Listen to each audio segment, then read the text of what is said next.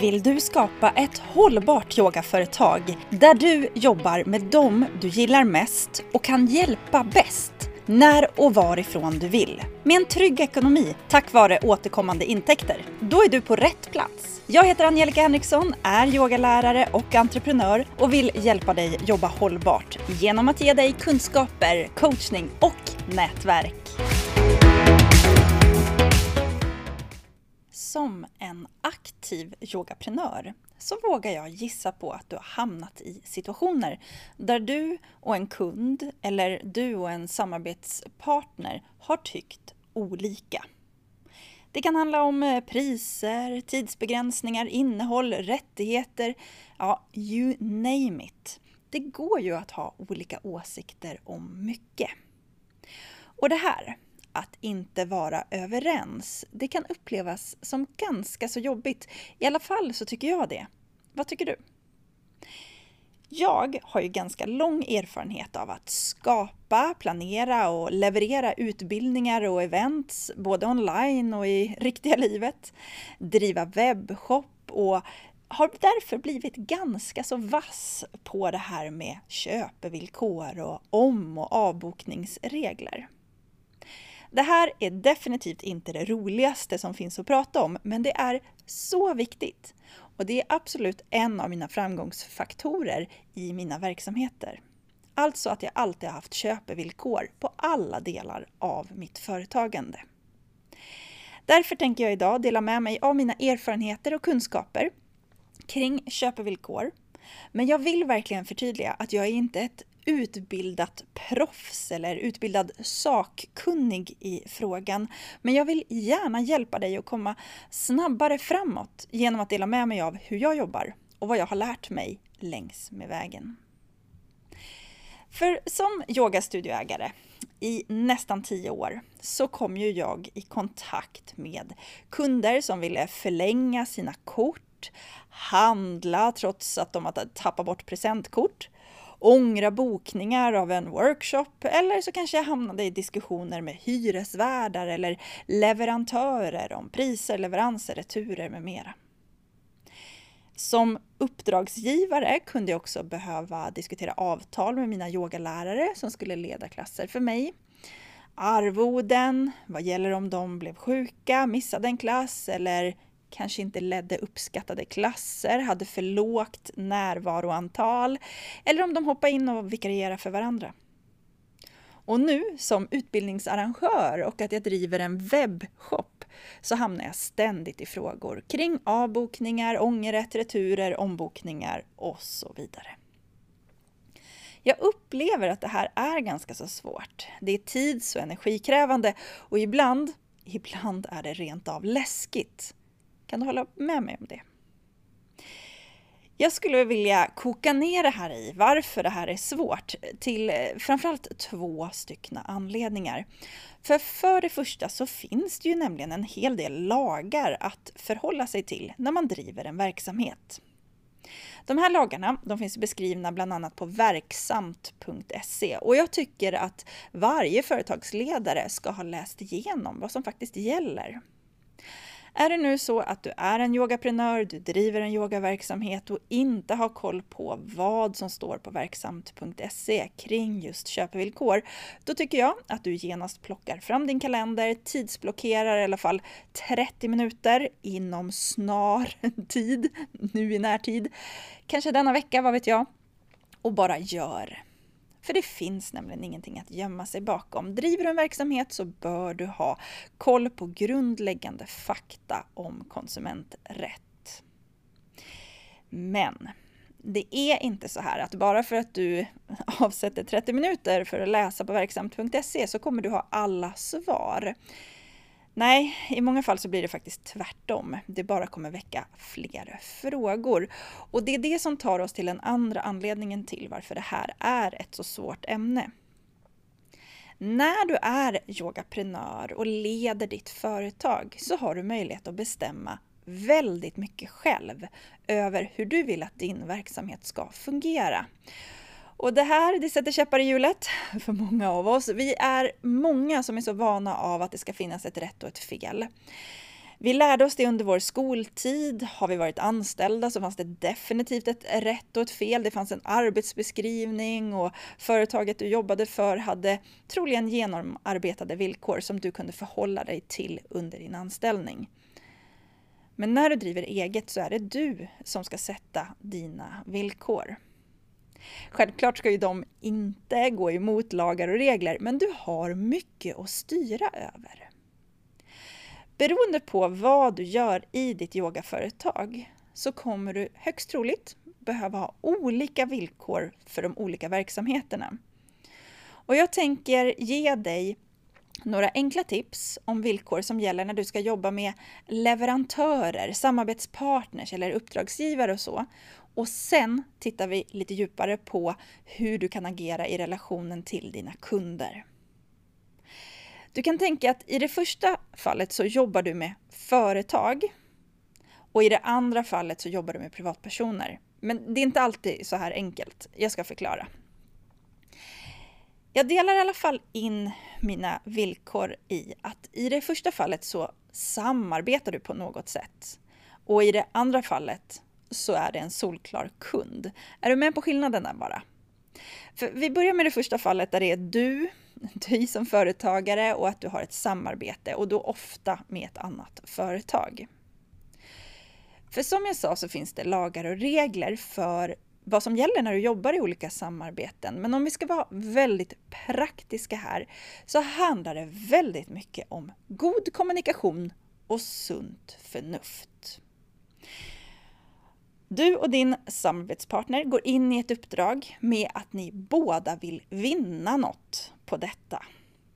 Så se då till att sätta av tid för att gå igenom vad ni båda vill få ut av det här. Vad som är viktigt för er båda och så ser ni till att den överenskommelsen kommer på skrift. Det här kan ju vara så enkelt som ett mejl där den ena parten skriver ner vad ni har kommit överens om och den andra svarar på att ja, det här är okej. Och så sparar ni båda den konversationen.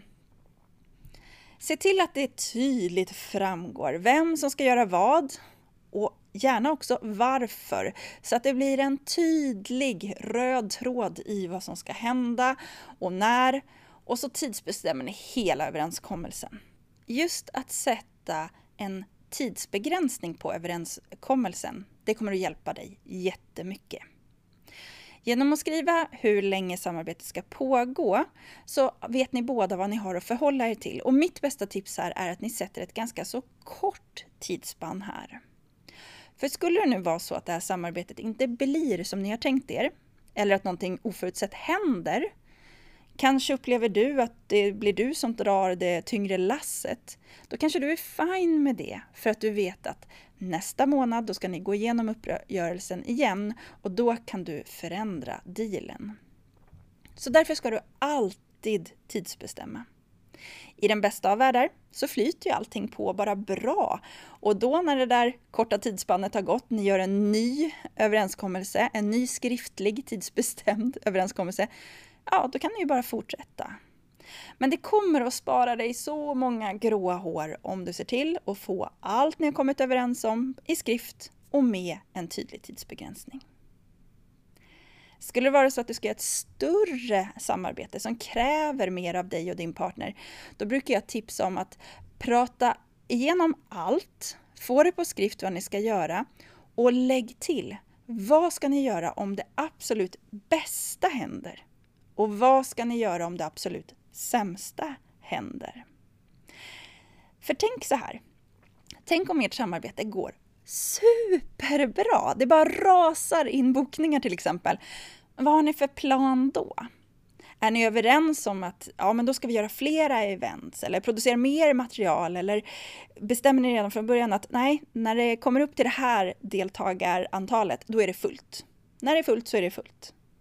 Det här är viktigt att vara överens om redan från början. Och detsamma är om det sämsta skulle hända. Vad händer om någon av er blir sjuk? Får en sjuk familjemedlem eller någon olycka händer? Det här är ju superjobbigt att prata om, men det blir inte lättare att ta tag i det här om när någonting händer. Jag kan faktiskt tipsa dig om att lyssna på avsnitt 131 av Yogaprenörpodden. Där pratar jag och Linda Hörnefelt om hur man annonsmärker samarbeten och där kommer vi in just på det här att prata om avtal och samarbeten. Så är det här aktuellt för dig? Ta och lyssna även på avsnitt 131. Ja, då lämnar vi samarbeten, överenskommelser, villkor mellan dig och en samarbetspartner. Och så går vi istället in på det här andra fallet där det är du som driver din verksamhet och hur du kan jobba med köpevillkor i förhållande till en kund. Jag vill nu återigen bara förtydliga det här. Jag är inte en rådgivande expert på ämnet utan nu delar jag med mig av den info som finns bland annat på verksamt.se och Konsumentverket. Men också av egna praktiska erfarenheter som du kan ta hjälp av på vägen. Men är det så att du vill vara 100% säker på vad som gäller för dig och din verksamhet och det här är viktigt att du får det 100% rätt, då ska du definitivt anlita juridisk expertis som kan se över din unika situation. Jag hoppas du är helt okej okay med det här. Det finns nämligen riktlinjer på vad som ska ingå i köpevillkor. Men sen är det upp till dig att forma dem så att de passar din verksamhet. För att underlätta för dig så har jag faktiskt gjort en förenklad pdf som tar upp tio viktiga delar som man generellt brukar säga att köpevillkor bör innehålla med en kortare beskrivning om respektive punkt. Om du går in på yogaprenor.se köpevillkor, eller ja, köpevillkor då, du tar bort prickarna, så hittar du både en förklarande video och den förenklade pdfen där. Men kort om några punkter som finns med. I köpevillkoren så ska det finnas uppgifter om företaget, alltså det fullständiga namnet, kontaktperson och kontaktuppgifter. Det ska också finnas tydliga beskrivningar om produkten eller tjänsten. Och det ska vara så tydligt och detaljerat som möjligt. Det kan inkludera vad det är för egenskaper, specifikationer. Är det en eh, fysisk produkt så kan det ju vara storlek, färg, eventuella begränsningar eller villkor för användning. Det ska också jättetydligt stå om pris och betalningsvillkor. Det totala priset för produkten eller tjänsten ska framgå, inklusive eventuella avgifter, skatter och fraktkostnader. Det ska också framgå vilka betalningsmetoder som accepteras, betalningsvillkor, eventuella förseningsavgifter eller räntor för obetalda belopp. Det ska också framgå leveransvillkor. För fysiska produkter så bör du ange hur leveransen ska kommer att ske, vilka fraktsätt som används, hur lång tid det kan ta för produkten att nå kunden, om det finns några begränsningar. Ja, det finns mycket här att titta på. Jag har skrivit ut lite mer om det i den där pdfen som du alltså hittar på yogaprenor.se villkor. Jag vill också att du noterar att det här är ju bara allmänna riktlinjer och det kan absolut finnas ytterligare punkter som är specifikt för din verksamhet eller dina produkter. Är du osäker på vad du ska inkludera i dina köpevillkor så är det alltid bäst att rådfråga en juridisk expert för att säkerställa att dina köpevillkor är korrekta och uppfyller gällande lagstiftning. Men det här, det är en start. Och har du inga köpevillkor idag, då tycker jag att du ska ta tag i detta nu inför kommande yogatermin. För när du har skrivit dina köpevillkor så finns det tre viktiga saker att tänka på. Det finns säkert fler, men tre saker som jag vill ta upp med dig i alla fall. Det ena är att kunden aktivt ska godkänna villkoren när de gör ett köp.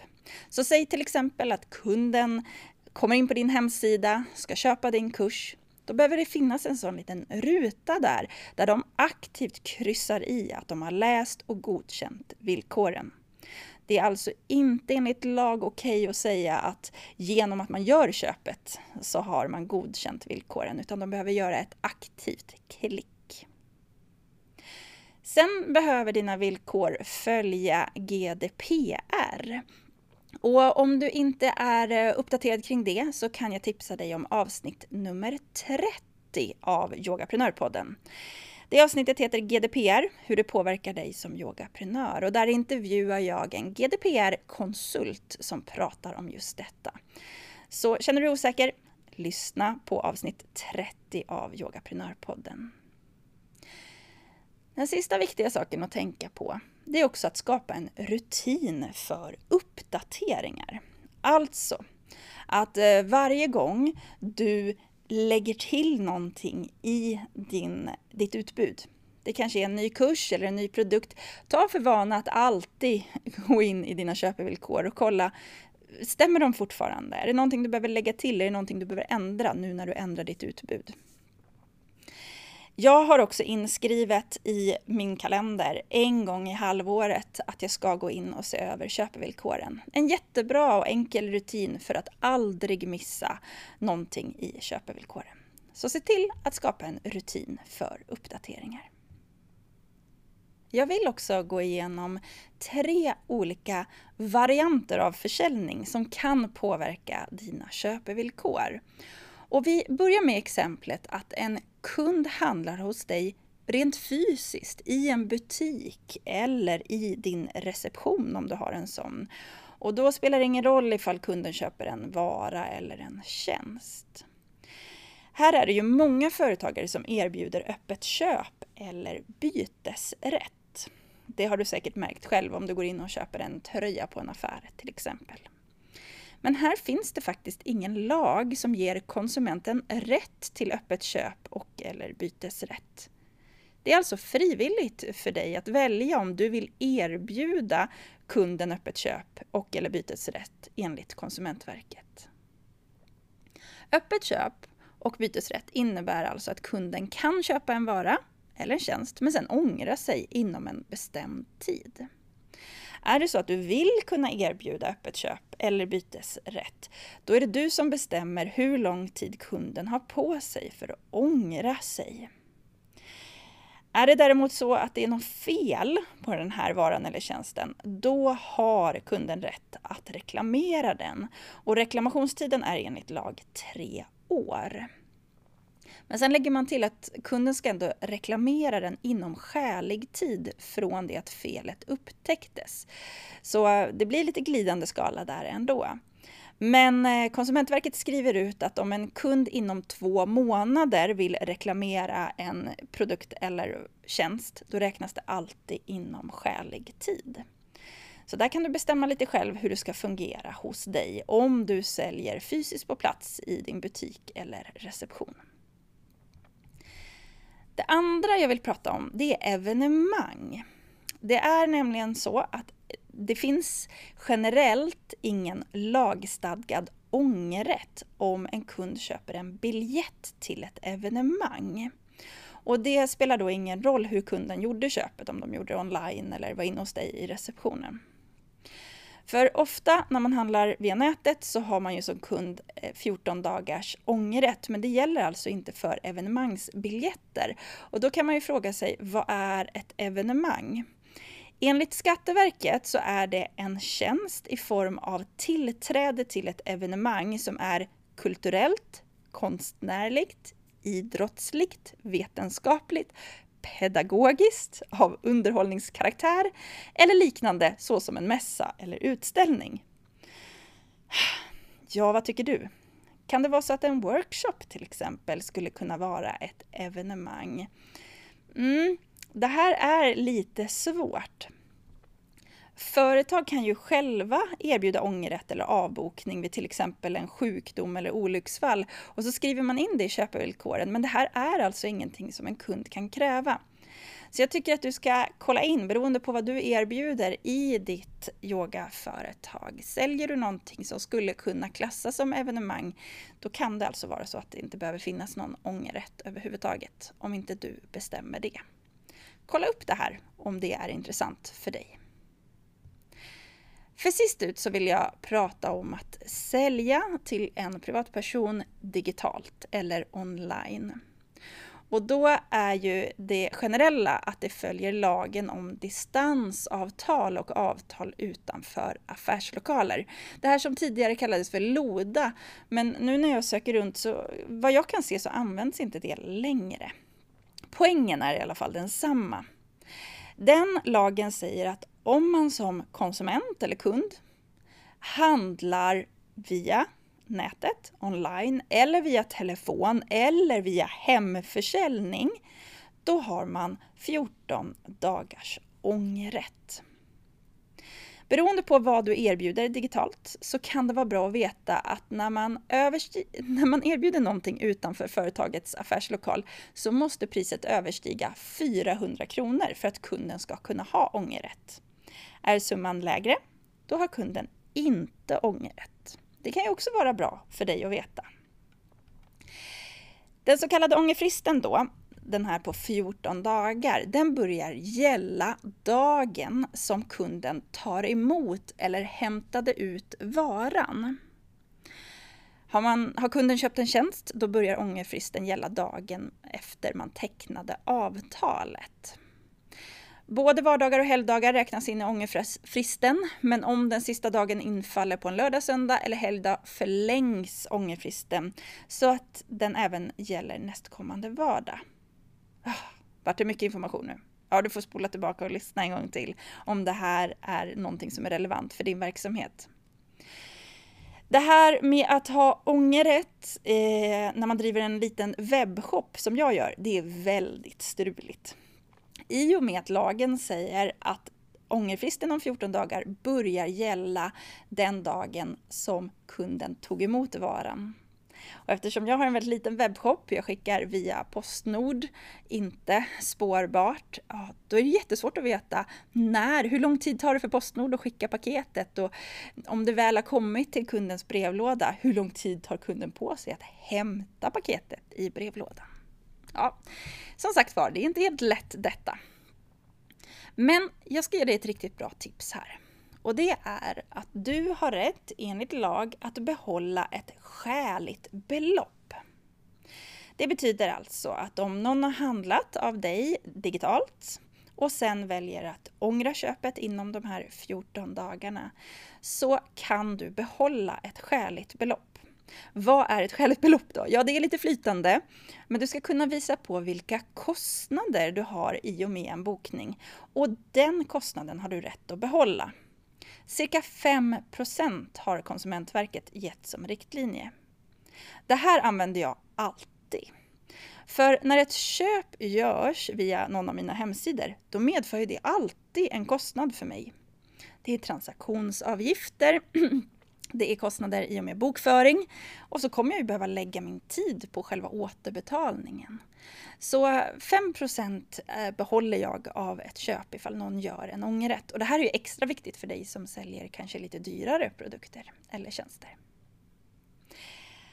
Ja, nu börjar det bli mycket information, men jag vill så här avslutningsvis skicka med lite generella tips också. Tips som jag har lärt mig med åren och kanske är sånt man inte kan läsa sig till. Men det här har verkligen gjort förändring hos mig. Nummer ett. Svara inte för fort om en kund vill ångra, avboka eller vad de nu vill göra. Min erfarenhet är att om en kund skriver att de vill avboka så är de liksom uppe i varv. Någonting har hänt hos dem. Jag brukar då ge det lite tid, även om min respons givetvis är att jag vill kasta mig på tangenterna och säga, svara så fort som möjligt. Det kan vara ganska skönt att bara andas en stund och sen inom såklart en skälig tid höra av sig. Det har sparat mig mycket, mycket tid och energi att göra på det sättet.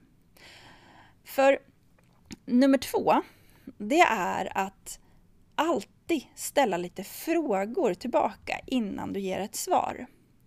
För det kan vara så här att du tolkar kunden på ett sätt, men egentligen så vill de någonting annat. De kanske har bokat sig på din kurs och sen så blev de oroliga om de verkligen skulle mäkta med, om de kan, om de är rätt person för utbildningen eller kursen så kanske är det inte så att de verkligen vill ha pengarna tillbaka, att de vill ångra sitt köp, utan de kanske bara behöver mer stöttning av dig. Så när du får ett mejl eller ett telefonsamtal som handlar om en avbokning eller att de vill ångra ett köp, så våga ställa lite frågor. Vad är det de vill egentligen? Kanske kan du erbjuda någonting annat, kanske kan du erbjuda mer hjälp. För mitt tredje tips det är att lagar och regler, de gäller absolut, men använd det sunda förnuftet. Se vad som blir rättvist för alla. Jag vet att det är många yogaprenörer som går snabbt till att betala tillbaka pengarna direkt om någon visar på att de känner sig osäkra på köpet. Men det är inte alltid så att det är det som blir bäst för alla. Det kan ju bli tokfel för dig om du redan har levererat. Det kan bli orättvist mot andra kunder att någon får tillbaka pengarna. Här gäller det att använda det sunda förnuftet och vara lite kreativ. Du kanske kan erbjuda någonting annat, du kanske kan förlänga någonting, ändra. Ja, försök vara lösningsfokuserad. För nästa tips, det är också att tänka på att det kan bli en badwill. Alltså inte minst om du jobbar online. Säg att en kund vill avboka, du har all rätt på din sida att inte gå vidare med eh, avbokningen. Eh, både lagar och regler och sunda förnuftet säger att du borde behålla pengarna. Men vad skulle hända om den här kunden ger dig ett dåligt omdöme eller en recension eller rent av ett drev mot dig? Vad skulle det kosta? Är det så att det inte finns någon bättre lösning så kan det faktiskt vara lönsamt att betala tillbaka. Och det här det leder mig till mitt sista tips. Och det är att se till att ha ett riktigt bra nätverk runt dig. Se till att ha drivna, duktiga yogaprenörer i närheten. Så att när sånt här händer så kan du ställa frågan. Oj, det här har hänt. Jag sitter i den här situationen. Fråga andra drivna företagare som förstår din situation, som kanske kan eh, agera som coacher eller mentorer. Se till att ha sådana, för du kommer att hamna i situationer där det är svårt att veta hur man ska agera. För det här kanske inte var det roligaste avsnittet du någonsin har lyssnat på av Yogaprenörpodden. Men det är med hjälp av tydliga köpevillkor som du blir mer hållbar som yogaprenör. Så glöm nu inte att ladda ner den förtydligande pdfen på yogaprenor.se villkor och ta tag i detta så att du går in i kommande yogatermin helt på det klara med vad som gäller för dig, för dina kunder och eller samarbetspartners. För med köpevillkoren på plats, då är ju du helt redo för att börja fylla dina yogakurser med underbara deltagare. Och är det nu så att du vill ha hjälp med just det också, då tycker jag att du ska anta min utmaning Fyll din yogakurs som sker 28 till 31 augusti. Det här vill du inte missa, för då kommer du få hjälp med att ta fram en skräddarsydd handlingsplan för hur just du ska fylla din yogakurs. Anmäl dig redan idag vet jag för att säkra din plats. Du gör det på yogaprenor.se utmaning. För här tänker jag sätta punkt för idag. Jag hoppas att vi hörs igen redan nästa vecka här i Yogaprenörpodden. Samma tid, samma kanal kom ihåg att klicka på prenumerationsknappen i din poddspelare så att du får en notis när nya avsnitt kommer. Ha nu en fin fortsättning på dagen. Tack för nu.